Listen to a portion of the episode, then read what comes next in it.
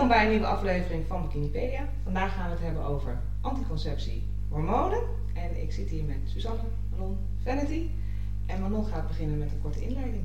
Ja, nou uh, welkom. We gaan het eigenlijk hebben inderdaad over dus de hormonen in de vrouwelijke cyclus, maar ook zeker over de hormonen die je kan gebruiken bij uh, anticonceptie.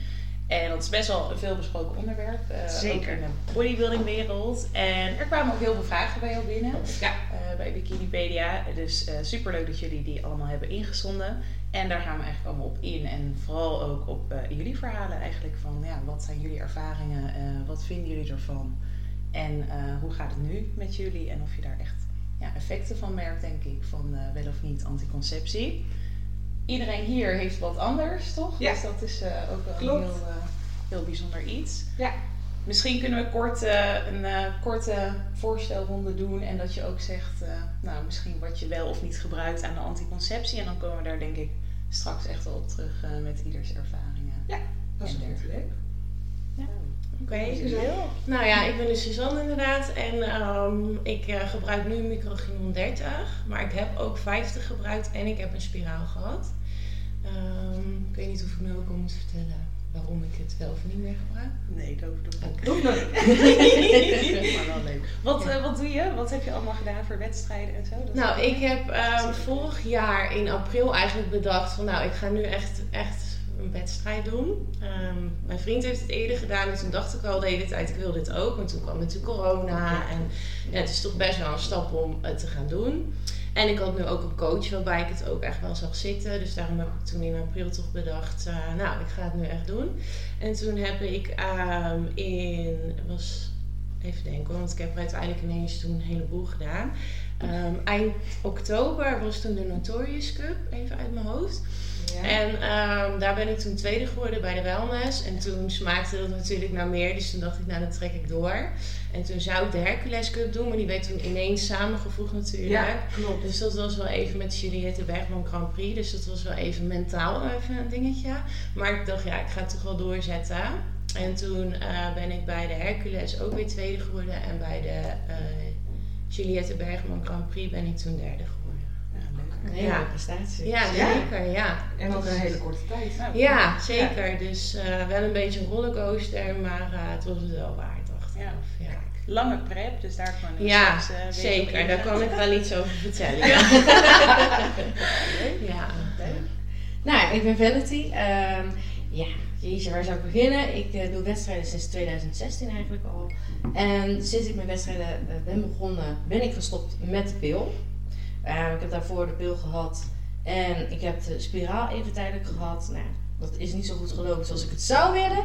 Dus uh, ze hadden geadviseerd uh, vanuit de huisarts, vanuit de dokters om daarmee te stoppen. Dus sinds 2016 slik ik eigenlijk al de pil meer, heb ik geen anticonceptie. En dat bevalt me tot nu toe heel goed. Um, ik heb in die tussentijd, nou ja, dan praat ik over 2016 tot 2018, die IFBB gedaan. Daar heb ik drie wedstrijden gedaan en toen kwam de corona. Nou, dat, iedereen kent dat verhaal. Ik heb er uh, twee jaar, uh, heb ik, uh, ja, wilde ik me voorbereiden voor een wedstrijd, maar ja, dat is nooit doorgegaan. Dus in 2021 ben ik weer aan een nieuwe prep begonnen voor de NPC, een andere bond. En daar heb ik ja, 13 maanden prep gedaan, zeven wedstrijden gedraaid. Dus ja, in en uit prep, nou ja, dat heeft natuurlijk wel heel veel uh, gedaan natuurlijk voor het vrouwelijke lichaam. Nu eindelijk, ja, sinds december eigenlijk niet meer in, uh, in wedstrijdvoorbereiding. Dus ja, nu loopt alles heel rolletjes. Ja. ja. En de pro-card gehaald. En de pro-card gehaald. daar ging het uiteindelijk om. Daar ging het om die 13 maanden in en uit. Maar eindelijk in de pocket. Ja, daar ben ik echt ontzettend blij mee. Ja, ja. het is een opluchting. Ja. Dus dat was het waard. Ja, ja. Zal ik hem of zal jij hem? Uh, ik ben Debbie, ja, van Bikinipedia. Ik heb vorig jaar mei mijn eerste wedstrijd gedaan. En toen had ik nog wel anticonceptie. Uh, de Nuvaring. Nou, ik heb, ik denk net zoals jij, een heel traject afgelegd met anticonceptie. Ik heb de pil gehad, ik heb de spiraal gehad, ik heb de Nuvaring gehad. En nu uit eigen keuze heb ik niks na 20 jaar. Dus dat is een hele lange periode. Uh, het is vanwege dat ik uh, nou, de pil, nou, dat, dat ging niet helemaal lekker, want dan was ik eh, alleen maar doorbraakbloedingen en dat soort dingen. Eh, spiraal eh, mag ik niet meer omdat ik daar kiezers van kreeg, dus ik heb twee keer van in het ziekenhuis gelegen. En de Nuvaring heb ik denk ik tien jaar gehad en ik wilde nu gewoon mijn eigen lichaam willen leren kennen. En ik ben eigenlijk wel heel erg blij en ik ben benieuwd hoe het met mijn volgende wedstrijd gaat. Ja. Zonder alles. Ja. Ik ben benieuwd hoe jij het gaat ervaren. Ik, Ja. ik, ben echt, ik vind het heel erg, eh, heel erg spannend, want je hebt natuurlijk niet meer de, nou ja, daar gaan we het straks ook over hebben, de safe, dat je denkt, ik neem hem door, dat ik niet meer, omdat dat is een stresspunt niet minder. Ja. Maar ja, ik kan wel, eh, ik leer wel mijn lichaam heel goed kennen. Ja. En dat vind ik heel erg leuk. En dat is trouwens ook, want hè, wat gebruik je dan natuurlijk? Ik heb me laten steriliseren. Dus Ja. De, de uiteindelijke ultieme anticonceptie. Ja. Ja. ja. En dan zitten ja, alle mogelijkheden hier volgens mij. Ik denk Ja. het wel. Ja. dat, dat scheelt ook. wel. Alle mogelijkheden hebben we aan tafel. Ja. Ja. Ja, ik ben Ja. Manon. Ehm, ik heb nog geen wedstrijd gedaan, maar dat staat hopelijk dit jaar op de planning. Eh, dat wil ik graag doen in de wellness-categorie. En zelf eh, nou, zit ik dus in mijn laatste jaar geneeskunde, eh, dus vandaar ook dit stukje over de hormonen erbij. Eh, dat dat inderdaad leuk is als een soort verdieping. Ehm, zelf gebruik ik de spiraal, de Kielena-spiraal, dus de wat kleinere spiraal, sinds nu nou, ruim een jaar. En daarvoor een hele tijd de prikpil gehad. En daarvoor eh, de reguliere pil eigenlijk. Dus niet per se kleine dosering, maar gewoon normale dosering. Dus ook een beetje van alles en nog wat. En eh, ja, daar komt veel bij kijken. En ook zelf, hè, als ik ook dan geneeskunde zeg maar doe, ook dan vond ik het nog echt wel een zoektocht. En is het ook echt lastig om eh, nou, best wel juiste informatie en zo te vinden. Dus ik denk dat het ook al, hè, doe je geen bodybuilding, alsnog wel wat informatief Ik denk dat het interessant wordt. is voor iedereen. Ja. Ja, zeker. Zeker. Ja. Ja. En het is leuk om te zien dat nu veel meer mensen, hoe zeg je dat, er best wel meer geïnteresseerd zijn in hoe werkt een lichaam Ja. en wat is wel Ja. en niet goed. Eh, en dat het dan ja, misschien toch weer even terugzoeken is in de biologieboeken, maar dat je dat dan vrijwillig doet, dat vind ik leuk. Dat veel meer mensen echt openstaan voor gezondheid en daar Ja. zelf heel erg mee bezig zijn. En dat, eh, Ja, er Ja. wordt wel meer over nagedacht nu. Ja. Het is niet meer Ja. standaard van, oh je, je krijgt je menstruatie, nou ga maar aan de pil.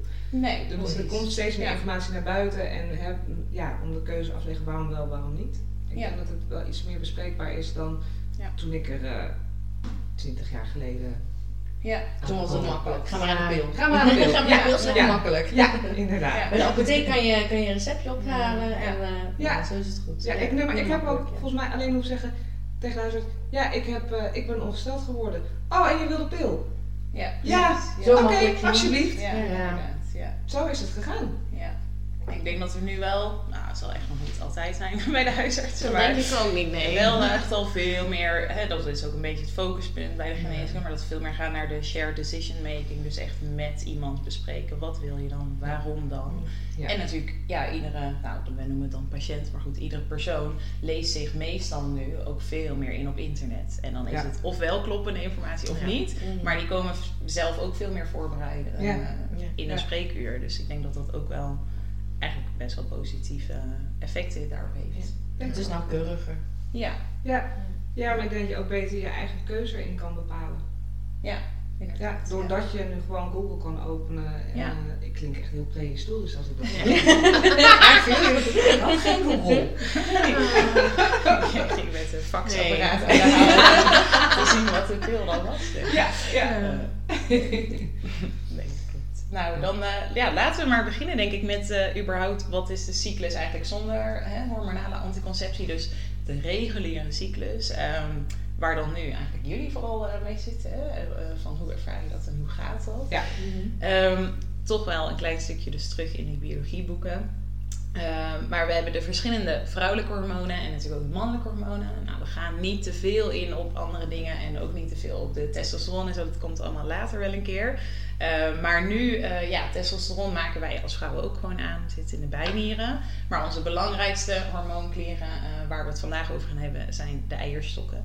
Waarin we en de oestrogenen aanmaken en progesteron. En dan zijn dat best wel veel nou, woorden in één zin. eh, en zal iedereen wel oestrogenen kennen. Eh, maar hebben we toch echt wel allebei nodig. Het zijn ook allebei de steroïdhormonen. Dus het wordt aangemaakt uh, als een hormoon. En je hebt dat uh, echt wel nodig voor nou ja, de vruchtbaarheid van een vrouw. Um, en daar speelt natuurlijk straks het stukje anticonceptie heel slim op in, die hormonen. Want die gaan daar ook weer op in en nou, dat komt straks. Wat gebeurt er nu uit de hersenen? En de hypothalamus is dus een, een, een soort kwapje in de hersenen dat ervoor zorgt dat dat GNRH aanmaakt. Dat gaat weer naar de voorkwap van uh, die hypothalamus. En dat maakt dan FSH en LH aan. Nou, die termen soms hoor je ook nog wel uh, vaker. Uh, dat follikelstimulerend hormoon.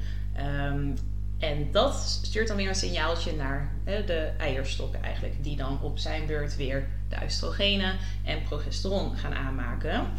En die hebben weer effect op de baarmoeder. Dus of bijvoorbeeld de baarmoeder, hè, uh, de slijmvlies eigenlijk klaar moet gaan worden om een eitje in te gaan nestelen. Uh, of dat het juist dat slijmvlies weer moet gaan afstoten en waardoor je de menstruatie krijgt. Nu is het zo dat als jij bijvoorbeeld hoge waarden van dat FSH en LH, dus wat al vanuit de hersenen wordt aangemaakt, hebt, dat dat ook weer een seintje teruggeeft en zegt: hey, dit is al genoeg in het lichaam. Wij zorgen er al voor dat oestrogenen en dergelijke worden aangemaakt. Dus die hypothalamus, de allereerste klier, die mag nu gewoon stoppen met aanmaken van nieuw hormoon. Dus dat betekent dat als jij bepaalde hormonen hoger hebt zitten in je bloed, wat bijvoorbeeld zou kunnen met anticonceptie. Uh, of hè, in de overgang, dat dan ook bepaalde hormonen omhoog gaan. Dat dat ervoor zorgt dat jij dus een soort negatieve feedback krijgt, waardoor de nou, originele aanmaak ervan ook al minder wordt.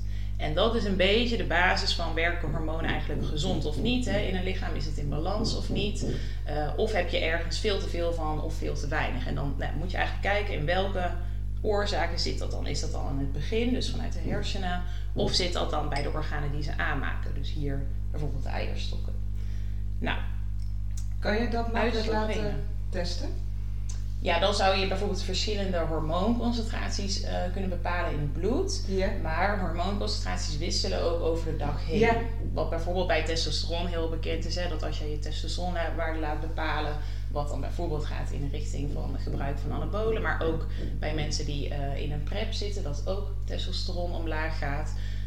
Um, dat kan je ook testen, maar dat moet je wel op specifieke tijdstippen doen, Ja. omdat je testosteronwaarde door de dag heen schommelt. En dat is dus ook bij de vrouwelijke hormonen, hè, zijn er ook de steroïdhormonen eigenlijk, oestrogeen en progesteron.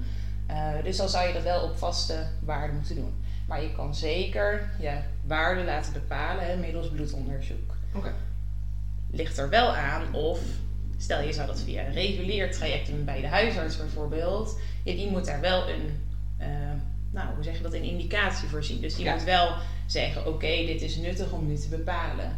En niet om oh, ik wil dat eigenlijk gewoon weten van mezelf en ik heb misschien wel wat klachten, maar niet echt per se wat hierbij past, dan zou ik het aanraden om dat gewoon zelf eh, te laten testen. Via wel een echte bloedtest en niet zo'n vingerprik, want dat, eh, daarmee kan je geen eh, Nee, andere klopt. bloedconcentraties waarden bepalen, behalve de bloedsuiker in je lichaam.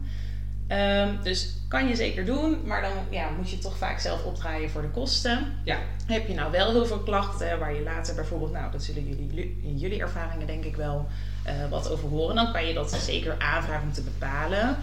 Maar je ziet ook veel in de geneeskunde van nou ehm, dit en dit, hè, 1 en 1 is 2, dus dit past wel bij jouw klacht. Laten we alvast gaan kijken of de behandeling effect heeft. Heeft het effect, dan lag het daaraan. Nou, als die behandeling niet zoveel schadelijks is, waarom zou je dan eerst heel duur hè, onderzoek doen als je Ja. al heel makkelijk kan zien of het wel of niet effect heeft? Dat is een beetje altijd bij ieder soort ja, aanvullend onderzoek van Ja. heeft het zin om dat te weten of heeft het zin om het te bepalen? Ja. Ook omdat de zorg natuurlijk niet eh, heel goedkoop is, zeg maar. Nee. Alles bij elkaar in Nee, Nederland klopt. moet ook betaalbaar blijven.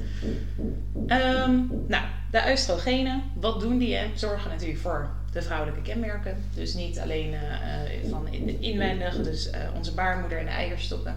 Maar ook uitwendig, dat we er ook nou, uit gaan zien als een vrouw. Eh, maar maakt ook in de hersenen best wel belangrijke stofjes vrij. De soort gelukshormonen, hè, serotonine, oxytocine en zo. Alle eh, nou, soort van knuffelhormonen of gelukkig uh, worden. ja, dat is allemaal niet heel lief. Maar daardoor, ja, maar daardoor, dat, ja, dat, dat oxytocine, dat komt ook vrij als je dus iemand knuffelt of even met een huisdier uit en zo. Uh, dus daarom nou, zijn die toch wel echt bewezen dat die uh, katten en honden en zo je gelukkiger maken. Uh, maar dat is juist goed, want als jij bijvoorbeeld dan hè, een kindje of zo krijgt, dat is ook de reden dat vrouwen vaak nou, misschien wat zorgzamer zijn of zo. Dat zorgt ervoor dat jij je soort van verbonden voelt weet je, met, met je, bijvoorbeeld je kindje en daardoor voor het kindje kan gaan zorgen. En dat is eigenlijk gewoon een soort biologisch model dat ervoor zorgt dat jij als vrouw uh, nou, de meer zorgzame factor even vanuit de oertijd uh, ja. gezien, hè, vanaf het begin van, uh, van de mens. Um, nou, oestrogenen zorgt ook voor het libido. Dus ook dat is heel belangrijk natuurlijk. Nou, dat, daar ga je ook het een en ander van ervaren, misschien in een prep. Maar het ligt ook aan je energiehuishouding. Van hè, hoe voel je je? Heb je daar op dat moment nog wel of niet behoefte aan? Dat hebben we allemaal zo. Ja, ja. Dat kennen we allemaal. Ja. Uh, botdichtheid, dus dat is een stukje na de menopauze, hè, als de oestrogenen naar beneden gaan, dat je dan hoort over botontkalking, dus osteoporose. Nou, dan wordt dat een groot onderwerp. Dus oestrogenen zijn zeker belangrijk voor stevige botten. Um, en ook überhaupt stevigheid van de huid, maar zorgt natuurlijk ook voor die hele baarmoeder, wat ik al zei. Dan heb je de progesteron, dat wordt vaak een beetje gezien als de ja, wat minder fijne hormoon, want dat gaat omhoog richting die PMS-fase. Dus als bijvoorbeeld vrouwen premenstruele klachten krijgen, echt dat hongerig of chagrijnig voordat je bijvoorbeeld uh, de menstruatie hebt, dus ongesteld wordt. Um, maar heb je ook nodig, dat stofje komt vrij na de ovulatie en blijft heel hoog als je eenmaal echt zwanger zou zijn. Hè? Want dat zorgt ervoor dat dat eitje goed kan innesten. En dat maakt die hele baarmoeder klaar met allemaal bloedvaten aanmaken om uiteindelijk dat kind te laten groeien. Um, maar dat progesteron kan dus ook hoog blijven als jij bijvoorbeeld anticonceptie neemt met progesteron. En dan denkt je lichaam, hé, hey, ik hoef geen nieuw eitje meer te laten maken. Zeg maar. Die ijsprong hoeft dan niet meer te gebeuren. Um, toch heb je het wel allebei nodig, want het heeft allemaal ook weer invloed, net als oestrogenen, op meerdere aspecten van je lichaam. Al doet progesteron wel ietsje meer richting alleen uh, de vrouwelijke uh, voortplantingsorganen. Maar oestrogeen heb je zeker nodig. Dus zonder is ook niet goed. En daar komen natuurlijk ook die klachten als dat lager wordt vandaan. Um, nou, stukje biologieles er komt uh, een afbeelding in beeld waarin we een stukje vertellen. Want je hebt natuurlijk een hele cyclus die bij vrouwen eigenlijk ja, wisselt in uh, aanmaak van hormonen. En dat is een natuurlijke cyclus. Dus dit is niet de cyclus waar we het over hebben als je een anticonceptiepil gebruikt. Dan zou je bijvoorbeeld wel hè, een soort van ongesteldheid kunnen krijgen door de stopweek. Maar dat ziet er niet hetzelfde uit als de hormoonwaarde die je zou hebben als je een natuurlijke cyclus hebt.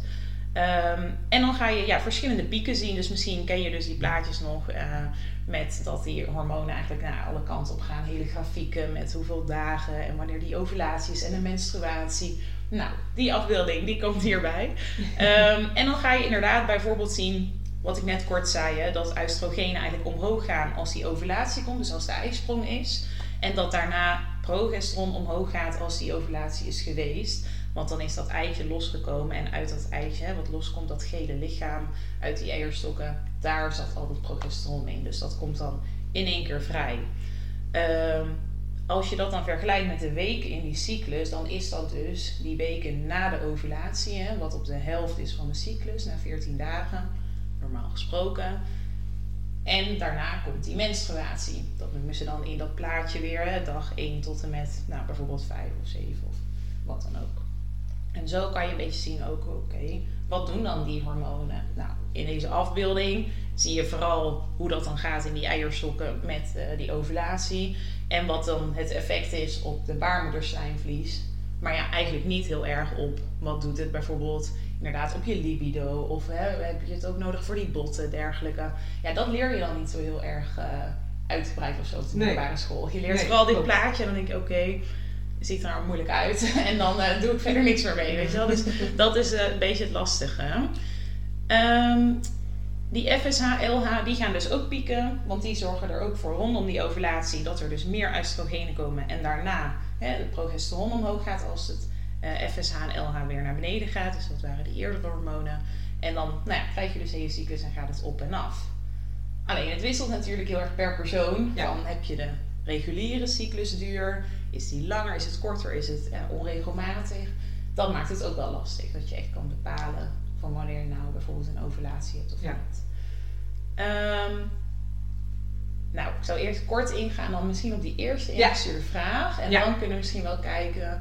ehm, want ik ben dus wel zelf wel bijvoorbeeld benieuwd weer hoe Vanity eh, dan in de gaten houdt haar cyclus is. Maar dat is eh, een heel eh, nou ja, eigen, eigen ding, denk Ja. ik, hoe je dat test. Ja. We hadden namelijk een vraag. die ging over wat is eigenlijk de invloed van hormonen op de krachttraining, toch? En Ja. Wanneer is, je bijvoorbeeld een, een- de beste weken hebt qua dat je sterker bent, of dat je meer spieren aanmaakt. Of dat, dat zijn, het waren meerdere vragen, we hebben een beetje gekoppeld in één. Ja, Ja. Klopt. Nou, Ja. ja, dat, dat zie je wel. En sommige dames zullen dan misschien ook heel erg ervaren dat als jij een reguliere cyclus hebt, dat je ook gaat zien dat die hormonen echt wel nou ja, uitmaken in hoe jij je Ja. voelt in de, in de sportschool, hoe, hoe je kracht is, of je PR's kan zetten of totaal niet. En eigenlijk maar gewoon weer naar huis wil als het totaal niet gaat. Ehm, dat komt eigenlijk vooral door hogere oestrogeenwaarden. Dus heb, zit je hoger in je oestrogeen, voel je je vaak ietsje beter. Eh, en het zorgt ook voor meer kracht, snellere spiergroei en ook sneller herstel van de spieren.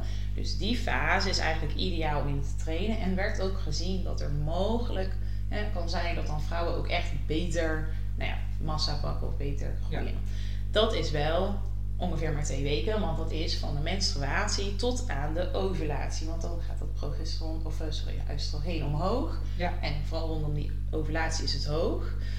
Maar tegenstelling daardoor heb je weer dat hogere progesteron nodig na die ovulatie, wat dan vrijkomt na die ijsprong, die ovulatie. En dan zie je vaak dat dus dan die week komt van de nou, PMS-klachten, de dip, moe, Ja. heel veel energie, eh, dat dat echt wel nou ja, eh, minder energie hebt. En dat komt meer door dat progesteron. Dus je gaat eigenlijk een beetje op en af. Ja. Ja, Het werkt elkaar een beetje tegen. Als Ja, je het zo maar je hebt het dus wel nodig Ja. als je een reguliere cyclus zou hebben. Ehm, of je dan niet naar de sportschool moet, ja, dat weet ik niet. Ik Nee. zou zeggen, ja, hoe, hoe gaat het? Lukt het om goed te trainen? Maar als jij twee weken, stel hè, je zou echt twee weken lang van die cyclus je Ja. niet goed voelen en de andere twee weken wel, ja, dan is het niet heel consistent wat jij traint, toch? Als je twee weken wel Nee. sport en dan twee weken denkt, nee, nou heb ik een hoger progesteron, nou ga ik niet sporten. En dan weer wel, dat is eigenlijk een beetje gek weer. Ja. Ja. Maar het verklaart wel. En je zou kunnen kijken als jij heel goed jouw cyclus weet, nou, bijvoorbeeld met een app of weet ik veel wat, dat je dan denkt, hé, hey, dit zou eigenlijk hè, mijn goede dagen moeten zijn. Ja. Nu ga ik eens proberen om weer een PR te doen of om even een extra lange sessie of zo Ja. te doen. Maar ik denk ook niet dat, dat je er op die manier echt heel erg over nadenkt. Nee, Kijk, wij zijn natuurlijk best wel een beetje mee bezig geweest de afgelopen weken. En dan ga je Ja. erop letten van, oh waarom gaat het minder? Oh, in welke Ja. week zit het? In welke, Ja. in welke ja, periode van mijn cyclus zit ik? Maar ik denk dat normaal gesproken je er misschien helemaal niet over nadenkt. Nee. Maar als je dan echt een mindere week hebt, dan kan je je misschien heel erg rotter doorvoelen. Maar als je nou gaat kijken inderdaad naar je cyclus en hè, wanneer wat gebeurt, dat je het misschien kan verklaren. Dat je dan denkt, oh, Nou, dat is het. Ja. En dat je er misschien ook wat meer vrede mee hebt. ja, Dus, exact. Dat. eh, mochten er luisteraars, kijkers zijn, Ja. ga daar toch eens naar kijken. Het kan je verklaren en het kan misschien net dat stukje. Ik, als ik een slechte week heb, dan kan ik me ook denken: oh, ik, moet, ik zit in mijn bouwfase en ik moet gains maken, maar het lukt niet, want het gaat niet. En dat je toch minder frustratie misschien erdoor krijgt. Ja, terwijl, ja, precies. En dat het verklaart. En niet per se Ja. een excuus moet zijn Nee. van nu ga ik helemaal niet meer consistent trainen. Dat is ook een beetje een instelling, denk ik. Ja, Ja, zeker. Dus als je, de, als je denkt van ja, ik heb echt een rotdag en eh, hoe komt dat nou? Dat je het net kan nagaan, word ik ongesteld ja of nee? Ja. En je denkt, oké, ik ben ongesteld. Weet je wat, ik ben heel zielig, ik ben heel triest. Laat ik maar gewoon thuis Netflix en chill gaan doen. Exact. Dus Ja. het is ook een Ja. bepaalde soort instelling van oké, wat voor dag ga ik maken, ondanks dat ik mij zo voel. Ja. Ja. Precies. Ja. Dus ja, het is net hoe je erin staat. Kijk, als je echt heel erg pijn hebt, snap ik het. Maar ja, je moet Ja, toch wel eens een keer die drempel overheen gaan Ja. om tot te gaan. Ja. ja. klopt. En hoe reageer jij naar je cyclus? Hoe doe je dat dan? En merk je Ja. misschien ook wel dit verhaal? Of zeg je nou, daar merk je echt niks van? Nou, ik kan me in eh, zekere eh, gevallen hier wel in herkennen. Dat het echt, eh, nou ja, na de eerste keer dat ik weer ongesteld werd, Nou, dan praat ik over vier weken later dan uh, naar mijn wedstrijd. Dat was al vrij vroeg, moet ik Ja. zeggen. Ja? Maar de eerste keer, ja, die pijn was... eh, nou, we hebben het hier vroeger een beetje over gehad natuurlijk. Die pijn was ongekend. Ja. Dat ik dacht van, oh hemel, hoe kom ik hier doorheen? En toen dacht ik van, oké, ge- gelukkig had ik een rustdag. Maar zou ik gaan trainen als ik zoveel pijn heb? Dan zou ik nog even overwegen van, nou, hoe voel ik me op dat moment? Ehm, maar ik ben niet iemand die het eh, uit de weg gaat. Dat ik denk van, nou, ik heb zoveel pijn, ik ga maar niet trainen. Kijk, dat Ja. mijn sets en mijn reps en eh, niet zo is dat ik wil, Ja. ja, jammer dan. Maar Ja, dat betekent niet dat, ik niet hoef te gaan, zeg maar. Dus ja, ik ben toen toch wel, eh, toen voor de eerste keer weer ongesteld werd, toch gegaan. Omdat ik dacht van, ja, weet je, je maakt toch dat gelukshormoontje, dat knuffelhormoontje waar we het over hadden. Ja. Ehm, dat maak je toch wel aan. En na, de, na, na zo'n sessie voel ik me toch wel echt heel erg goed, Ja. moet ik zeggen.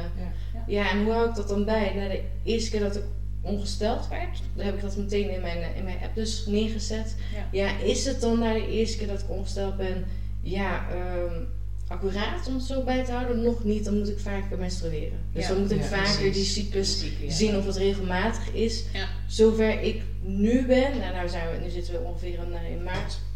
Dus eh, we zijn drie maanden verder. Ja. ja, we zijn drie maanden verder. Het is nog steeds niet helemaal regelmatig. Ehm, maar ik merk wel, er zit wel een beetje, ja, hoe zeg je dat, richtlijnen in van oké, deze week zou het moeten worden. En het scheelt dan drie, vier dagen van Ja. elkaar. Ja. Dus, maar ja, ik ga niet in die weken zeggen, als ik moet menstrueren, weet je wat, ik blijf thuis en ik ga zielig in een hoekje Nee, zitten. Nee, nee. Soms denk ik dat wel hoor, daar ben ik Ja. heel eerlijk in. Ja. Maar dan denk ik, Ja. weet je, trek een leuk outfitje aan, doe leuke Ja. muziek Ja. op, stap in de auto. En als je die drempel eenmaal over bent, je bent uit huis, dan gaat het wel. Dus dat is even wat, waar we net, eh, wat ik net al zei, die mindset. Ja. Eh, Ja. Ja. En doe je dan wel een stapje terug in je training? Ik probeer in mijn training wel het uiterste te doen, omdat ik dan weet van ik ben thuis, weet je wat, ik ben voldaan en ik heb Ja. gedaan wat ik kon doen. Ja. En merk ik van, hey shit, ik heb niet die PR gehaald wat ik graag zou willen. Dan denk ik, nou ja, jammer dan. Ik heb al eh, de stap overwonnen om te gaan. Zodat ik eigenlijk zeg van, wow, mijn rug en mijn buik. Ja, iedereen kent het wel. Dat je denkt van, oeh, moet ik wel gaan? Ja, dan denk ik van, ja, weet je, die PR, jammer dan. Maar ik ben, ik ben er. Precies. Ja. Ja. You got this girl. Ja, ja, ja, ja. Ja. Ja. En temperatuur je dan tijdens die hele cyclus, dat je weet van wanneer is dus die ovulatie? Of hoe hou je dat dan precies bij? Of heb je alleen de app voor je menstruatie Ja. en gebruik je anticonceptie op een hele andere, niet-hormonale manier? Nee, ik doe echt eh, alleen in die app van oké, Ja. wanneer voel ik eh, zodra mijn gewicht ietsjes omhoog gaat, dat ik merk van mijn gewicht en ik voel me een beetje opgezwollen en ik krijg een Ja. beetje die, die stemmingswisselingen en ik krijg wat meer hongergevoel dan denk ik, ah, volgens mij moet er iets gaan aankomen. Dan ga ik in mijn app kijken, wanneer komt dat nou? En op Ja. dat moment ga ik kijken van oké, ik verwacht het over 4, 5 dagen, dan weet ik precies hoe laat het is. Ja. Ja. Maar ja, dan blijf ik gewoon gedurende die tijd gewoon zo hard trainen, zo, zover ik kan. Zit ik op dat punt dat ik dus ga overleren, ja, dan denk ik van ja, nou, het is wat het is. Ja. Ja, maar dan hou ik het wel zo bij, oké, hoeveel dagen ga ik nu vloeien? En dat kan ik in die app dus bijhouden, 1, 2, 3, Ja. 4, 5. Ja. Nou, tegenwoordig, in het begin was het 6 tot 7 dagen, nu is het 3 tot 4 dagen. Dus Ja, het is wel heel wisselend. Het is Ja. dan even heel sterk. De eerste twee dagen dat ik denk, oh. en daarna denk ik van, oké, weet je wat? Ja. Drie, die, die, die derde, vierde dag, oké, dit overleef ik. Ik ga niet doorlekken, want dat, ja, ben ik gewoon heel eerlijk in. Ik denk dat je, iedereen het heeft gehad. Dat je super bang bent om door te lekken de eerste twee dagen. Ja. Ja. En dan denk ik bij iedere ehm ja, beenoefening, oh, gaat dit wel goed? Ja. Ja. Ja. Ja. Maar ja, goed, dat is de eerste twee dagen en dan Ja. oh, is het weer wel, prima. Ja. Oké. Ja. Ja. Ja. Nee, leuk. Ja. leuk om een beetje te horen en zo eh, inderdaad van hoe je dat dan ervaart en hoe dat gaat. Ja. Ehm, nu hebben we natuurlijk eh, heel veel die, die hormonen in de cyclus, maar vrouwelijke hormonen zitten ook echt wel. Als je wel bijvoorbeeld hormonale anticonceptie gebruikt en er komt veel meer bij kijken met, met stemmingswisselingen of met honger, hoe dat dan allemaal wordt gereguleerd. Ehm, daar gaan we dan niet te specifiek op Nee. in aan de hand van de cyclus, maar dit is een klein beetje de, ja, de schets van in hoeveel weken je wat kan ervaren. Ehm, dus ja, krachttraining hè, kan anders zijn als jij die verschillende weken hebt in een cyclus. Kan zeker effect hebben op je prestaties. In de weken voor de ovulatie kan je zeker merken dat je beter hè, spiergroei, nou ja, dat is super moeilijk te meten in één week, maar zou kunnen. En dat je wel ziet dat je bijvoorbeeld meer kracht hebt. En dat zou je wel goed kunnen voelen als je zelf in een sportschool bezig bent. Eh, Maar ja, het moet dus niet een excuus worden, maar het kan meer een verklaring zijn. Als je Het is, ook, het is ook wel persoonsgebonden, denk ik. Ja. Ik heb dus, daar hadden wij het ook over. Ja. Als ik dus hè, ongesteld ben, Ja, dan ben ik sterker. ja. Dus En dat, is dus na. Dat is dat na is die- weer ja. vanaf menstruatie of ovulatie. Ja. En dat klopt, want dan gaat het uitstrogen omhoog. ja, Maar je ik, hebt ik merk ook, dat echt eh, heel erg. En je ziet dat veel bijvoorbeeld bij duursporters. Dus Ja. atleten totaal anders dan dus eh krachttraining of bodybuilding. Eh, maar bijvoorbeeld ja, die Leontien van Moorsel eh, destijds ze reed wel die eh, beste fietstocht ooit, Ja. zeg maar. Ja. Terwijl zij wel menstrueerde. Ja. Wat ook best knap Ja. is trouwens. Want eh, vrouwelijke atleten die duursporters hè, zijn, die hebben vaak ook een lager vetpercentage. Ja. Die putten hun lichaam ook hè, op een bepaalde manier uit. Ja. Dus dat je dan nog een cyclus hebt, is eigenlijk ook wel soms best wel. Ja, interessant. eh, Ja. ja. want die Ja. gaat ook vaak weg bij bijvoorbeeld eh, hardlopers Ja. en zo en fietsers. Dus zeker met menstruatie zelf, hè, dus dat is dan net een moment na die Ja. PMS-klachten, die week voor je ongesteld, nou dan merk je echt wel, ja, komt er aan. Ja. Ja.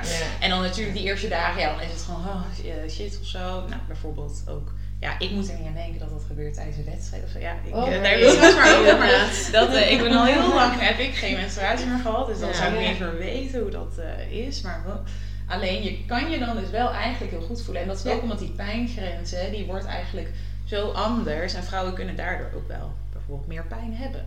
Dus toch, eh, Interessant. ja, ik Ja, het niet ja. zeggen, maar wel het sterkere geslacht als het gaat om Dat mag je wel zeggen. Ja, Dat mag- Dat je wel zeggen. Dat komt het straks. Zie je dan in de show notes voor alle onderzoeken Nee, komt wel goed. Ja. ja. Interessant. We hadden Ja. ook een vraag over eh, wat gebeurt er nu als je in de overgang Ja, komt. klopt. Hè? Dus de menopauze. Ja. Heel iets anders natuurlijk, want je hebt dadelijk de hele, nou, eh, als je nou, als tiener af aan of zo, of net daarvoor, dan gaan die hele nou, hormonen gaan werken. De, die eh, klieren gaan groeien, dus dat die ehm, eierstokken aan de gang gaan. Dan merk je misschien, oh ja, eerste menstruatie, nou dan leer je daar het een en ander over kennen. Of je dan wel of niet richting de anticonceptie gaat, nou dat wordt dan een keuze die je uiteindelijk maakt. Maar er komt ook een moment in je leven, in je vruchtbare leven, dat dat daarna gaat afnemen. Dus tussen de nou, 40, eind 30 al soms hoor, maar tussen de 40 en 60 jaar is eigenlijk de tijd van de overgangen, de, de menopauze. eh, waar ook heel veel klachten soms bij komen kijken. Die je eigenlijk allemaal kan verklaren aan de hand van het zakkende oestrogeen. Dus die zakkende oestrogenen, die zorgen dan echt voor die klachten. Ehm, hoe komt dat nou dat je in de overgang komt? Hè? Je lichaam gaat op een gegeven moment denken van nou, dit is op dit moment niet meer geschikt om bijvoorbeeld een, eh, echt een baby in te laten groeien of in te laten eh, eh, nou, geboren te laten worden. Dat is gewoon een biologisch proces. Zeggen zeker de ene vrouw zal er zeker anders uitzien of voelen op een bepaalde leeftijd dan de ander. Maar dat is inderdaad de biologie. En wat er dan gebeurt, je ziet verschillende fasen in de overgang. Dus je kan bijvoorbeeld vroeg hè, menopausaal zijn of laat postmenopausaal, dat echt na de overgang zit. En dan stijgen dus de hormoonconcentraties van het FSH, dus dat follikelstimulerend hormoon, wat helemaal in de hersenen wordt aangemaakt. Dat moet dan hè, stimuleren dat de eierstokken oestrogenen en progesteron aanmaken. Dat gaat heel erg stijgen. En je ziet, als dat heel erg stijgt, dan maakt het hè, bijvoorbeeld nog wel die oestrogenen een beetje aan. Maar dat blijft hoog. En wat ik helemaal in het begin al zei, je hebt die negatieve feedback loops. Dus als jouw FSH en bijvoorbeeld LH, maar FSH hoog is, dan gaat het terug weer naar die eerste kwap eigenlijk, die hypofyse die die hormonen aan gaat maken. En dat is hoog en dat blijft dus zeggen, hé, wij zijn er al, dus je hoeft ons niet meer aan te maken. Nou, en dat is een beetje de reden dat daardoor dat oestrogeen naar beneden gaat. Want het geeft geen seintje meer dat het nog aangemaakt moet worden. En dat oestrogeen dat daalt en dat zorgt dan bijvoorbeeld voor nou ja, bijvoorbeeld die opvliegers of uh, een uh, drogere vagina. Dat merk je ook heel erg. Uh, dat zijn heel van die klachten, libidoverlies, dat eh, gaat omhoog of omlaag. Allemaal door het dalende oestrogeen. Ja. Dus veel therapie die dan wordt gegeven zijn bijvoorbeeld oestrogeenpleisters of van die zalfjes of iets. Of ja. toch weer de pil, want daar zitten oestrogenen in. Ja. En dan kan je je wel weer wat beter gaan voelen. Maar heeft het, want de vraag is ook, hè, kan je na je menopauze nog spieren ja. opbouwen? Ja, dat, kan dus wel. Ja. Maar je ziet dan wel dat hè, het wordt wel minder. Nu is er een onderzoek dat laat zien hè, dat inderdaad, eh dan ze bijvoorbeeld de lean mass zeg maar, van iemand. Dus hoe Ja. is de eh, droge, of gewoon eigenlijk de spiermassa. Ehm, en dat gaat naar beneden als oestrogeen daalt. Dus over die hele verloop van de menopauze, dus de hele overgang, al die jaren, dan gaat het naar beneden toe. En vetmassa gaat omhoog. Het is eigenlijk, eigenlijk bij alle ouderen zo dat zij hè, hogere vetmassa, lagere spiermassa Ja. hebben. Het is wel aangetoond dat als je al, nou, bijvoorbeeld daarvoor al sporten, maar ook zeker tijdens de overgang, dan heb je na de overgang spiermassa meer. Dus dat blijft wel bestaan. Dat heeft een positief effect op nou ja, van alles en nog wat. Eh, dus spiermassa behouden is alleen maar goed. Zeker na de overgang.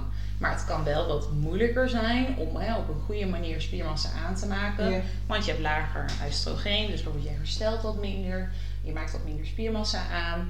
En je ziet ook, nou, bijvoorbeeld in energie kan een verschil zitten. Hè? Iemand van 20 of zo, die kan misschien heel anders trainen dan iemand eh, van 60 die dan ook net begint met trainen. Dus dat wisselt. Eh, maar het is zeker geen reden dat je bijvoorbeeld niet zou moeten sporten. Want het voorkomt alleen maar meer problemen op Ja. latere leeftijd weer. Het houdt je gewoon gezond. En het is niet dat je geen spieren kan opbouwen. Nee, helemaal niet. Nee. En behouden is natuurlijk ook gewoon heel belangrijk. Ja, en Ja. het was ooit wel hoor, dat, eh, maar dat is inmiddels wel achterhaald. Dat je bijvoorbeeld als ouder persoon eh, helemaal geen spiermassa meer zou kunnen maken. En dat je dan hè, bijvoorbeeld ook veel meer vet en zo zou bijkomen. Nou, dat, of dat, je, ja, dat dat de hele andere ratio's zouden zijn. Je ziet wel dat de lichamen veranderen. Maar je kan het echt nog wel aanmaken en behouden. Ja. Oké. Dat is interessant.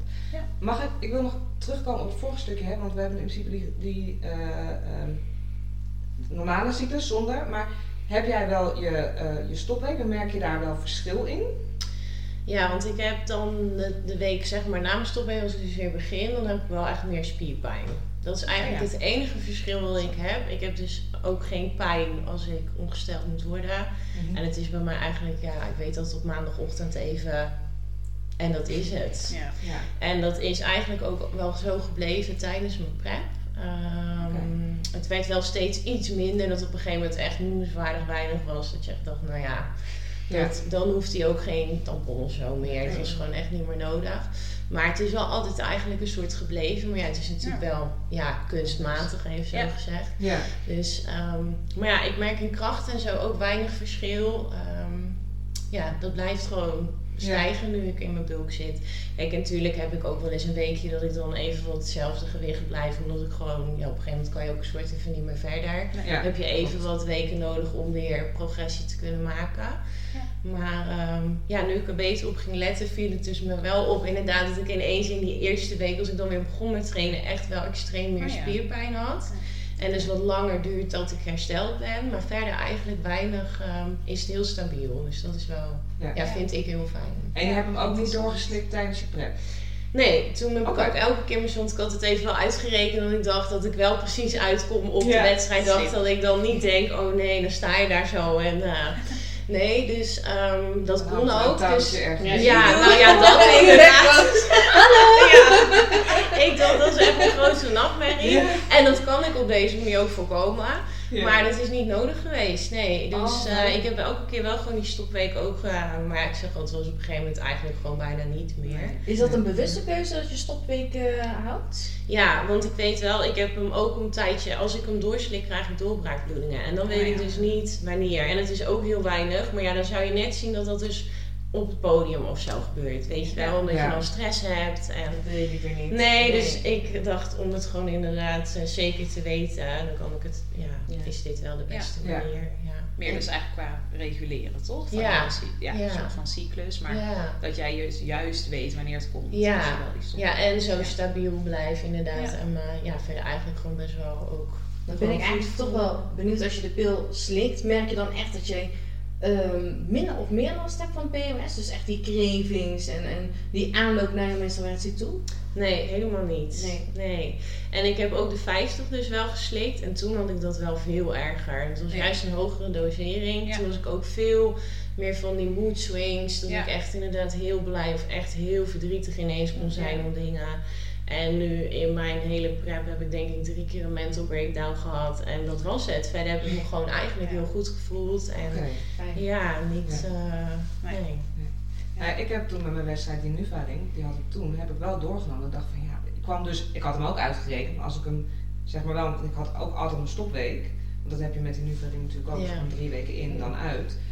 Maar dan zou ik precies inderdaad op mijn wedstrijd mijn menstruatie, Oh, ja. in ieder geval hè, die ongesteldheid, Ja. eh, zou dan Ja. beginnen. Toen dacht ik ja, ja nee, voor een eerste wedstrijd dacht ik nee, dat wil ik niet. Dus toen heb ik hem inderdaad doorgenomen. Maar ik denk dat ik daarna wel heel veel last heb gehad ervan. Ja. Want dan heb je natuurlijk en dat je weer hè, eh, nou, meer gaat eten.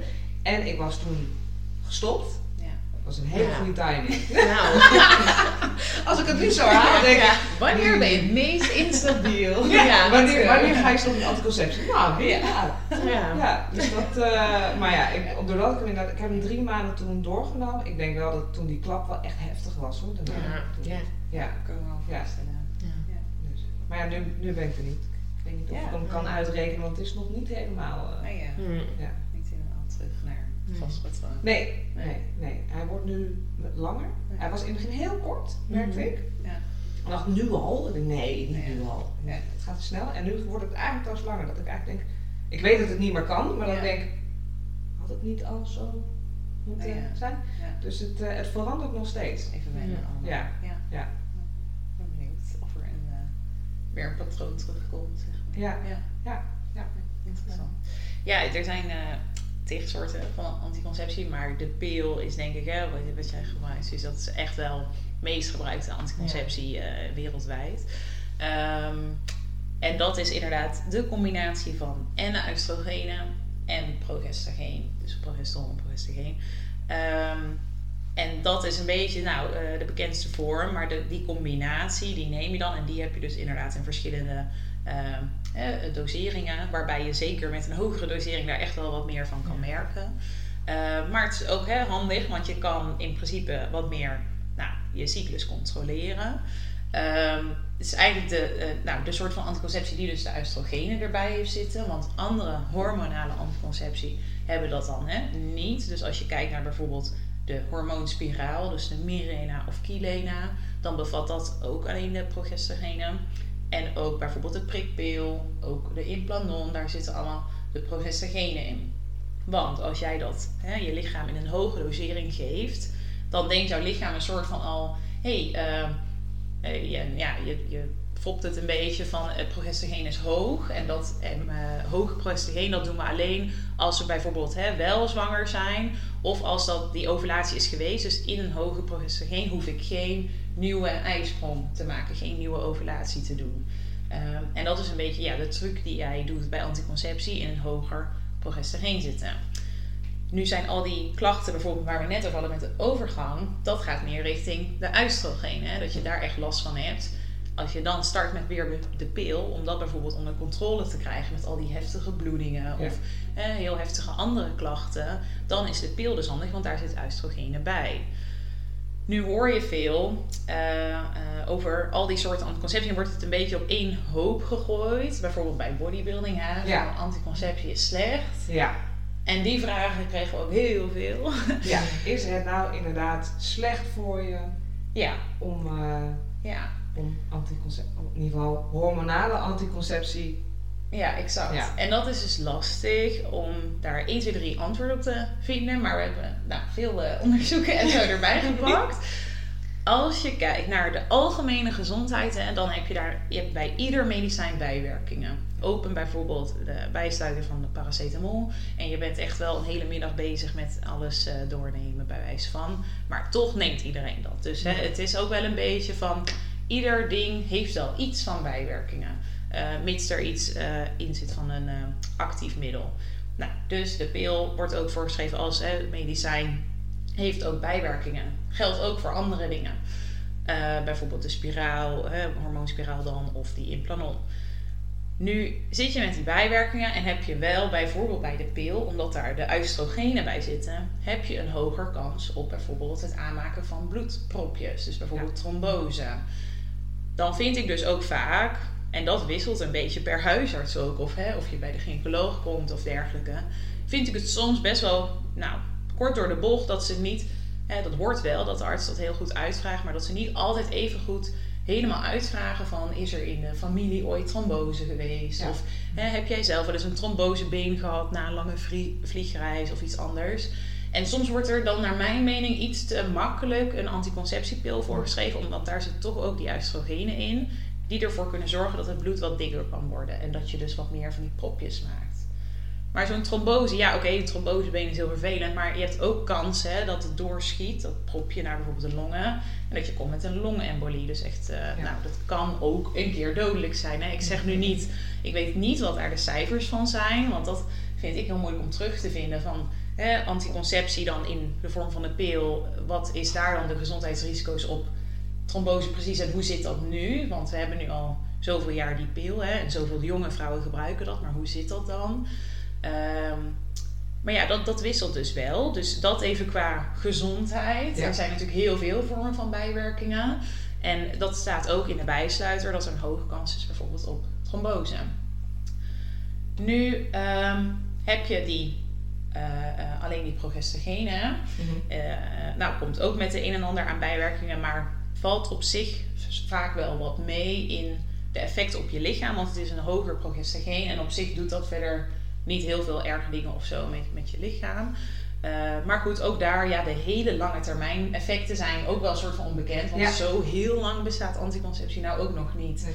Dat je er echt alles, eh, al het fijne vanaf weet. Ehm, en dan was veel die vraag van hoe zit het dan met de spiergroei? Ja. En daar wordt altijd heel erg over nagedacht dat dan de pil bijvoorbeeld slecht zou zijn voor spiermassa opbouwen of hè, voor Ja. bijvoorbeeld het afvallen en dergelijke. Nou, volgens mij moeten we al beginnen met de disclaimer dat het voor iedereen heel persoonlijk is. Ja, want dat, dat ga je ook zien. Nou ja, daarom zitten we hier ook aan tafel met veel verschillende verhalen waar we zo eh, op komen. Maar als je de studies in eh, duikt, dus echt even kijkt naar alleen de studies, dan zie je gewoon veel dat eh, ehm, heel veel studies eh, aan, naast elkaar gaan zetten van wat doet het nou op spiermassa, wat doet het op de kracht, hè, want dat is toch wel iets anders. En dan ook bij verschillende soorten vrouwen. Dan zijn studies vergeleken met vrouwen die bijvoorbeeld orale anticonceptie gebruiken, dus de pil, hè, waarbij je oestrogenen en progestogenen hebt, en vrouwen die een natuurlijke cyclus hadden.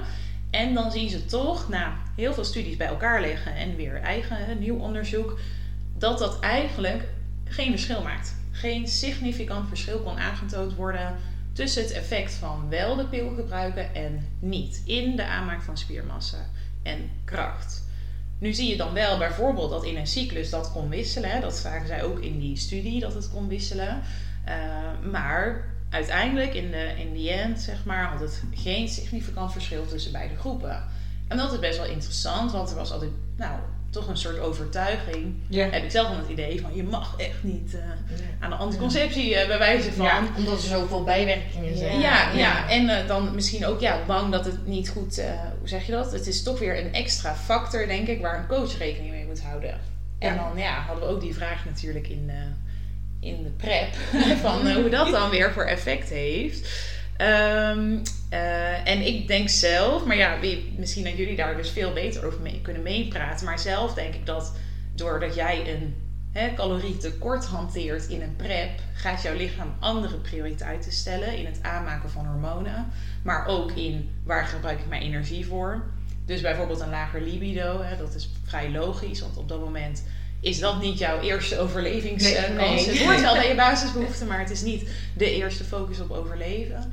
Um, en ik denk dat heel veel van de klachten, die ook wel vallen onder hormonale klachten, hè, bijvoorbeeld bij niet-bodybuilders of zo. Veel van die klachten die kunnen ook gewoon verklaard worden door een calorietekort en stress. Want calorietekort is Ja. ook stressfactor op je lichaam. Trainen is ook een stressfactor op je lichaam. Hè, überhaupt je druk maken over van alles en nog wat is ook stress. Dus misschien dat je die klachten, als je dat zou ervaren in een prep, hè, wat best wel logisch is, dat je dat veel beter ja, zou moeten hanteren met toch zoveel mogelijk stress verminderen. Ja. Zo goed mogelijk voor je lichaam uh, zorgen, zoveel mogelijk slapen. En als jij nog, hè, wat je nog kan eten, dat dat, dat zo ja, goed mogelijk voedsel is. Om je zo goed mogelijk de dag door te krijgen. Maar ja, ik hè, ben dus heel benieuwd naar jullie ervaring eigenlijk. Van, merk je daar wat mee, inderdaad, met wel of niet die anticonceptie? Of jouw vorm van anticonceptie in die prep? Ja, bij Suus hadden eigenlijk al best wel duidelijk jouw verhaal. Ja. hè? ging best goed. Ja, heel stabiel inderdaad eigenlijk. En ik ja, had geluk dat ik gewoon best wel een hoge verbranding heb. Dus dat ik ook, ja, ben natuurlijk voor mijn lichaam was het te weinig. Maar doordat ik nog aardig wat calorieën had, kon ik wel inderdaad alle producten binnenkrijgen die gewoon nog nodig zijn voor je lichaam. Ja. Dus ook nog gewoon goede gezonde vetten en zo kon blijven eten. Dus dat is heel Ja. fijn. Waardoor ik me denk ik ook wel gewoon goed ben blijven voelen. Ehm, ja, en verder inderdaad denk ik zelf ook. Ik, ja, ik heb inderdaad wellness gedaan. Ik heb flink massa op mijn benen. Dat, dat, ja, en ik train ook heel hard. Maar dat bij mij de anticonceptie daar in ieder geval niks mee te maken heeft gehad. Dat ik geen spiermassa of zo heb kunnen Nee. Ja. aanmaken.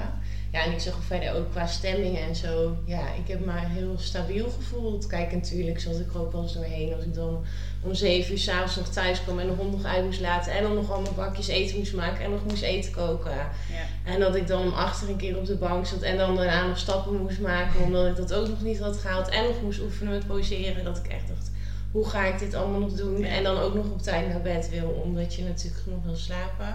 Ja. Ehm, dus ja, dat heb ik ook gehad en dat hoort er ook bij. En ik ben voor mezelf best wel niet heel snel gestrest, dus dat scheelt denk ik ook wel. Ja. Ehm, ja, waardoor ik gewoon best wel lekker er doorheen ben gegaan. Ja. Klinkt heel fijn. Ja. Ja, ik heb het Ja. niet als een leidersweg inderdaad ervaren, maar ik kan me heel goed voorstellen dat dat voor anderen misschien wel zo is Ja. hoor. Dus, ehm, en ik moet zeggen inderdaad tussen mijn eerste, naar mijn eerste wedstrijd toe preppen en daarna dat doortrekken, dat zou ik niemand aanraden zo lang. Want dat was inderdaad wel even, eh, ja, jij hebt nog langer. eh, Ja, ja. maar dat vond ik inderdaad echt heel, eh, ja, dat Intens. maakt het wel heel zwaar op een gegeven moment Ja. inderdaad. Dat je nog Mentaal. lager- ja, het was mentaal. En vooral toen die weken nog ineens aangeplakt werd. Ja. Toen ja, was mijn eerste reactie, ik kap ermee. Maar dat is eigenlijk ook geen optie. Waarom Nee. ga je stoppen? Ja. Als je eigenlijk dan Ja. drie weken moet in plaats van Ja. Al zover. weken. Ja. Dus, ehm, maar ja, dat werd wel zwaar. Maar ja, inderdaad heeft dat met je hormonen te maken. Op een gegeven moment ben je gewoon op, denk Ja. ik ook. Ja. Je energie Ja. is op, je hebt geen vetpercentage meer Nee. op je lichaam. Het is, eh, ja, Nee, dan klopt. gewoon alles is gewoon zwaar. Ja. Ja. En er wordt wel gezegd soms hè, dat orale anticonceptie of bijvoorbeeld oestrogenen zou je wat meer vocht kunnen vasthouden. Was daar nog iets over gezegd door bijvoorbeeld jouw coach? Nee. Of heb jij dat bijvoorbeeld nog ervaren? Misschien had het dat dan Ja. jou niet zijn. Nee, ja, mijn coach, eh, ik heb het wel met haar besproken. Van, Ja. goh, ehm, ze zegt, nou ja, ik ken eigenlijk niemand die nog anders, ja, inderdaad een koperspiraal of zo, maar Ja. eigenlijk verder niks meer gebruikt. Ze zegt, maar het is uiteindelijk aan jou of je dat doet of niet. Ja. Ehm, nou, ja, ik heb er dus zelf voor gekozen om dus gewoon wel te blijven gebruiken. En ehm, ja, ik denk niet dat mijn prestaties er minder om waren. En ik heb ook geen gekke dingen met vocht en zo verdoen. Ik heb gewoon eigenlijk tot de dag, laatste dag gewoon 6 liter water gedronken. Ja. Ehm, ja, en de dag zelf dan wel minder natuurlijk. Maar, Ja. ehm, dus ja, ik denk niet dat dat bij mij... Maar ja, zeg inderdaad, ieder lichaam is anders. Ja. Dus ehm, En het is ook een momentopname. ja, Dat is het Ja. ook. klopt. Ja, ik weet ook niet of je, eh, als je, ja, jij hebt natuurlijk meer wedstrijden gedaan, dus misschien dat jij het wel, eh, en natuurlijk een natuurlijke cyclus hebt. Ik zat toen nog aan de anticonceptie, ja, ik weet dat ik wel vocht vasthield op de dag, maar dat was ook omdat ik zes uur later dan verwacht op het podium ging. Ja, Dus dan hou je vast. Ja. dan hou je ook vast. Dus Ja. ik weet. En dat zou ook voor mij natuurlijk uittesten worden, dit jaar, Ja, wat het verschil gaat zijn. Heel benieuwd. ik ben Ja. ook heel benieuwd. Ik merk wel dat ik in mijn nu dagelijkse leven wel minder vocht vasthoud. Ja. Ja. Dat wel. Dus, Ja, het zou best kunnen hoor. Ja. Maar dat kan ook natuurlijk zijn dat je ook een heel eetpatroon natuurlijk aan het veranderen bent en aan het perfectioneren bent. En ja. ja, je kan ook niet zeggen dat het daardoor komt. Dus Het is lastig hè? het is lastig. Ja. Het is echt Alles bij elkaar, denk ik. Ja. Ja, Ja, details. Ja. echt En per persoon verschillend denk ik Ja. ook. Als jij van jezelf al heel snel stress, dan zou je Ja. ook veel sneller vocht kunnen vasthouden. Ja. En vooral op ja, het piekmoment dat je op het Ja. podium moet, ga jij daarvoor heel veel stressen. Nou, je weet wat het lichaam doet met stress. Ja, Ja. dat slaat natuurlijk op een verkeerde negatieve manier om. Ja. Ja. Want, heb je, want jij hebt niet je eh menstruatie, zeg maar, verder in je pret, toch? Bij jou Nee. houdt het op. Ja, ik heb Ja. dus in al die tijd, iedere keer als ik, nou ja, laten we zeggen, vijf, zes weken uit was, kwam ik op een percentage, ook op een calorie- en activiteitsniveau, dat mijn lichaam zei van, nou weet je wat, nu vind ik vloeien niet meer belangrijk. Wat je dus zei, ja, je krijgt andere prioriteiten. En het stopt. Ja, Ja. Dus het, maar het was wel iedere keer even spannend voor mezelf. Van, oh, nu moet ik ongesteld worden.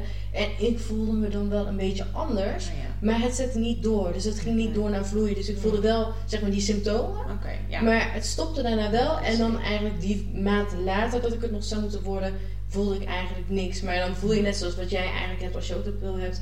Energieloos. Ja, Ja. kracht wordt een stukje minder. Ehm, ja, je moet al die dingen doen, maar je komt zoveel tijd tekort op een Ja. dag. Dus Ja. dan Ja. ga je eigenlijk een beetje achter het feit aanlopen. Maar je doet het wel, want je wilt Ja. het zo graag.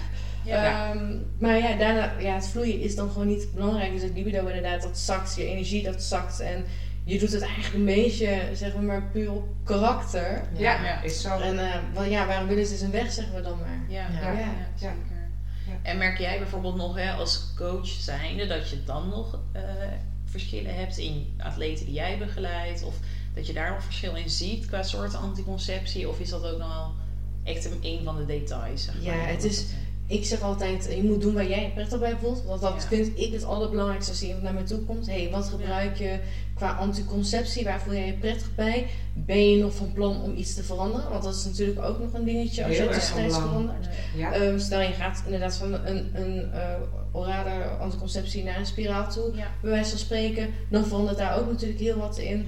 Dus voor mij is het heel belangrijk, wat, wat heb je nu en wat ben je van plan? Ga je, als je ermee gaat stoppen, dan is dat ook natuurlijk, dan verandert het een, heel, een hele grote factor eigenlijk binnen jouw ja, doel wat je wilt behalen, ook al ben je rekening. Ja. Want als een wedstrijdatleet is het voor mij heel belangrijk, oké, wat is jouw startpunt en wat wil je gaan doen in die tussentijd? Ja. Ehm, ik adviseer nooit iemand om te zeggen, nou moet je gaan stoppen. Of ja, je moet het niet doen. Of nee, je- je moet echt aan de pil. Nee, dat is gewoon iemand geheel zijn eigen keuze. Ja. ik vertel mijn eigen ervaring ermee. Maar wat mijn ervaring is, hoeft niet jouw ervaring Nee. te worden. Nee. Dus eh, ik ben er wel heel erg van bewust. En inderdaad, ik zeg altijd als we gaan meten of wat dan ook. Als je ongesteld bent, Laat dan hey, kom liever daarna eventjes, want dan voel jij je prettiger bij bij een betere meting. Want ja, het is Ja. natuurlijk ook een mentaal dingetje. Vooral Ja. als je een wedstrijd bent en je komt naar iemand toe. Ja, je bent zwaarder omdat je dus je menstruatie hebt. Ja, dan denk je gelijk, oh, dit gaat allemaal niet meer goed. En nou ja, je kent het paniek. wel. Paniek, paniek in. En dan, ja, dan ben ik degene die zegt, weet je wat, kom daarna lekker. Dan voel je ook wat fijner in je vel. Kunnen we rustig alles bespreken. Hou gewoon lekker aan je dieet. Want daarna, weet je, dan, dan zakt het vanzelf alweer. Dus als coach zijnde, ehm nou ja, niks is goed, niks is fout. Eh, doe waar, waar diegene zich prettig bij voelt. En daarop pas ik dus een persoonlijk plan aan. Ja. ja. Maar ik vind sowieso, er zijn natuurlijk meerdere redenen waarom je anticonceptie zou nemen. Ja. We hebben het natuurlijk net ook even over gehad. Ja. Het hoeft niet, natuurlijk, hè, de, de hoofdmodus is anticonceptie om conceptie tegen te gaan. Ja. Maar er zijn inderdaad, wat jij had gezegd, van, hè, eh, acne, eh, nou ja, hier heb je de pil. eh, de, ja, de pijn is natuurlijk ook een hele Ja. grote factor. Veel bloedverlies. Ja. Bloedverlies inderdaad. Ja. Ja, dus er zijn denk ik ook heel veel factoren waarom je het zou nemen. Dus het is niet, Ja. dat is natuurlijk ook niet één Nee. antwoord. Nee, zeker. Ja. En ehm, nou ja, wat ik zelf hè, dan, bijvoorbeeld ja. wat jij, nou ja, zelf, oh ja, dan eh, trouwens, daar zal ik ook nog even vertellen. Ik doe inderdaad die spiraal. Ik merk niet super veel verschil met de prikpil die ik daarvoor heel aantal jaren eh, gebruikte ten opzichte van de spiraal. Maar beide is voor mij het makkelijkst. Ik ben chaotisch. Ik heb onregelmatige Oh, dagen en dingen. Dus vandaar dat ik al merkte in mijn eh nou, tienertijd en zelfs de middelbare school, die normale pil, dat is niet meer handig, zeg maar. dus ehm, toen naar die prikpil gegaan, omdat toen mijn huisarts echt zei, nee, spiraal, dat is echt een eh, hel voor vrouwen die nog geen kind, weet je, hebben gehad. Nou, in mijn coachschappen bij de gynaecologie kwam ik er echt wel achter. De een natuurlijk vindt het vreselijk, valt flauw, is zo gespannen. De ander eh, denkt appeltje eitje. En dan maakt het echt wel verschil of je kinderen hebt gehad. Maar ik dacht toen, oh, is dit het? En je hoort zoveel meiden om je Ja. heen. En zo vriendinnen die spiraal. Toen dacht ik, weet je wat, ik probeer het gewoon. En dan eh, zie ik het wel of het wat wordt. Voor mij is dus juist dat stukje stress om hè, een menstruatie. Want ooit begon ik met de pil omdat ik hele eh, heftige bloedingen had. En daarna natuurlijk als echt anticonceptie eh, stukje eh, in relaties. Maar dat je dan eigenlijk denkt van... hé, hey, ik hoef me er geen zorgen om te maken. Ja, Ja. dat vind ik zelf heel geschikt. En ja, ik heb dus sinds gebruik van prikpil en spiraal... dus echt al heel lang helemaal geen bloedingen meer. Dus Ja. ik vergeet soms wel eens hoe ja, vervelend dat is. En ook dat het erbij hoort. En ook die buikpijn. Ja, ik had toen pas echt die krampen bij het zetten van die spiraal. En toen pas dacht ik, oh ja, dit was het of zo. En dat is zo lang geleden. Ja. Dus soms vergeet ik het een beetje. Maar ik vind dat dus lekker in combinatie met vakantie, met sporten. En Ja. dadelijk voor die wedstrijd. Ja, ik denk alleen maar, nou toppie, ik hoef inderdaad niet met zo'n touwtje het podium op. Dus, eh, bij jou, wat, en ik krijg verschillende dames soms eh, bij, bij ons op het kantoor langs. Hoe lang duurt het bij jou dat dat eh, vloeien, die bloedingen stopte?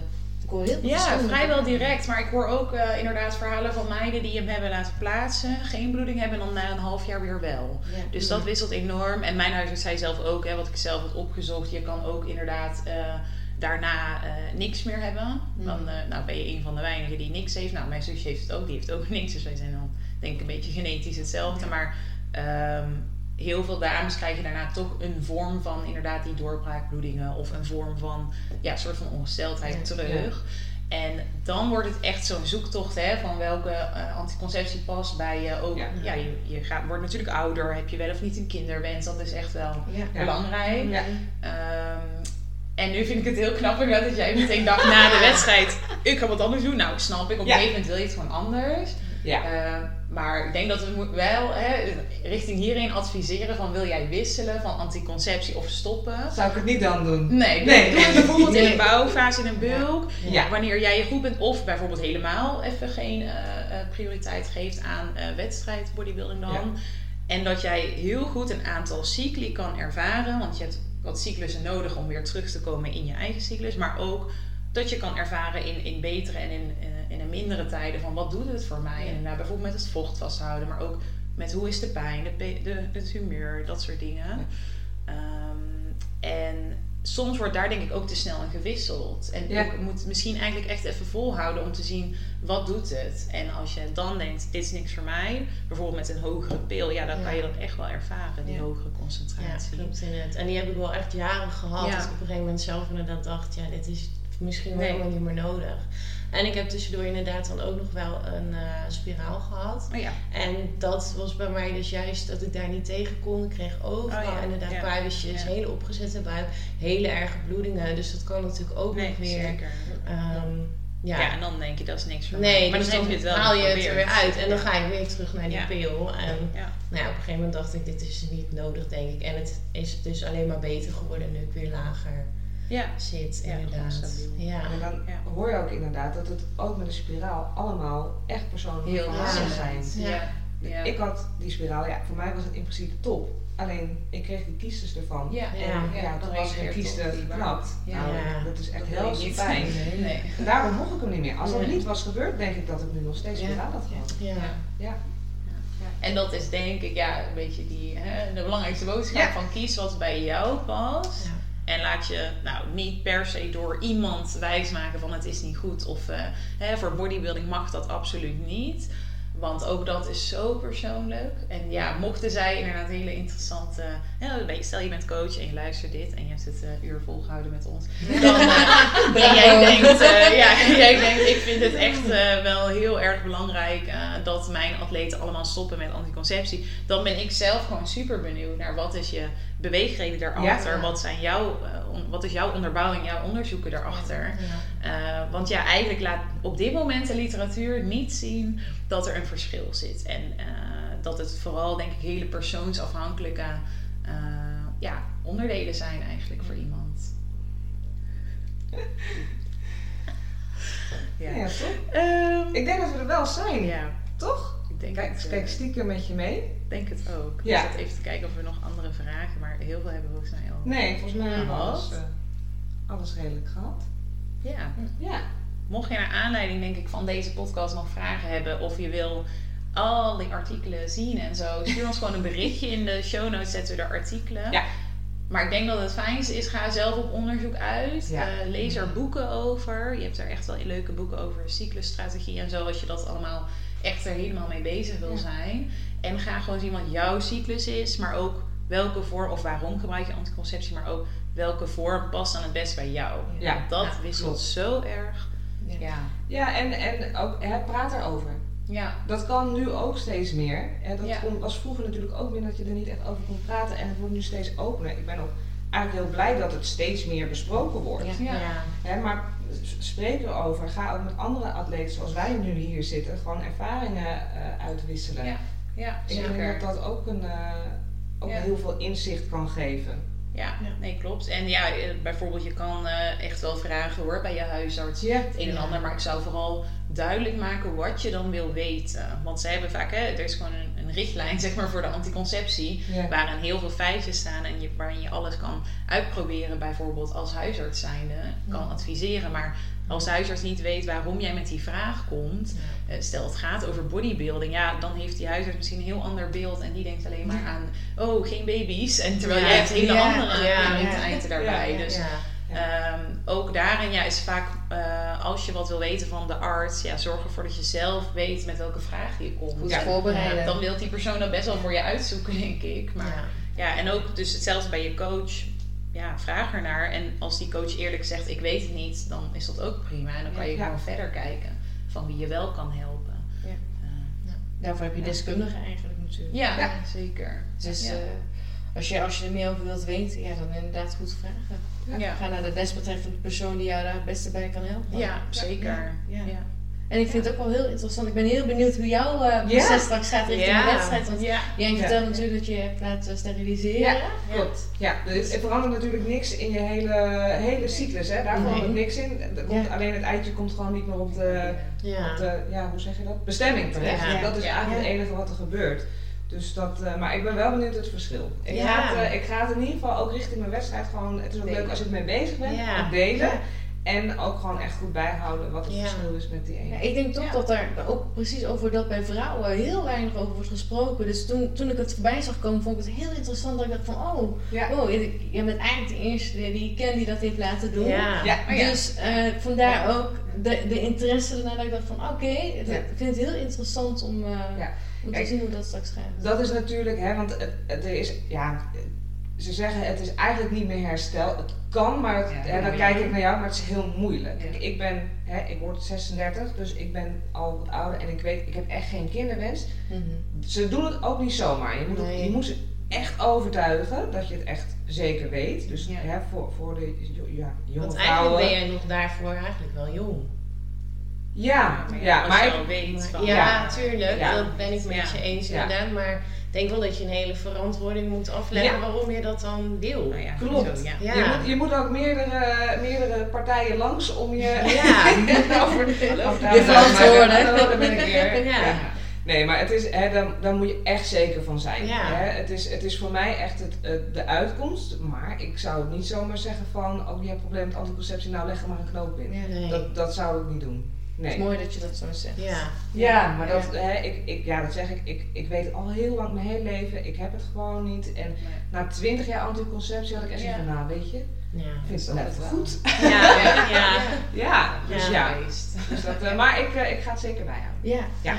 Ja. Leuk. Ja. ja. En nu op naar de mannenpil en dan... Nee.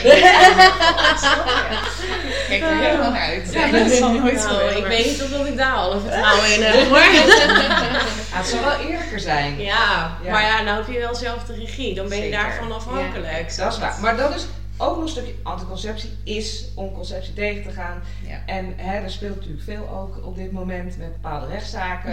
En, ja, het is ja, ja, Hele andere discussie. hele Ja, andere ja, discussie. Ja. podcast. Maar wel Nou, goed. Ik denk dat we echt nog wel een, eh, een vervolg gaan maken. Ja, als er vragen binnenkomen, stel Ja. ze gewoon. Het is super specifiek en wie weet kunnen dan ietsje meer, nou ja, of nog meer de diepte in. Eh, en echt op eh, details. Maar ik denk dat dit al een beetje een goede overview was. Met leuke Ja. nou, ervaringen van Ja. iedereen. En dat toch best wel Ja. goed is om te horen dat ieders weg anders is. Ja, Ja. Nou, laten we hem daarmee afsluiten. Ja Top. dank jullie Ja. wel. Dank jullie Ja, wel. Ja. ja, dank jullie ook Ja, dat we hier zijn. Ja. Ja. Leuk gesprek. Ik ga stop.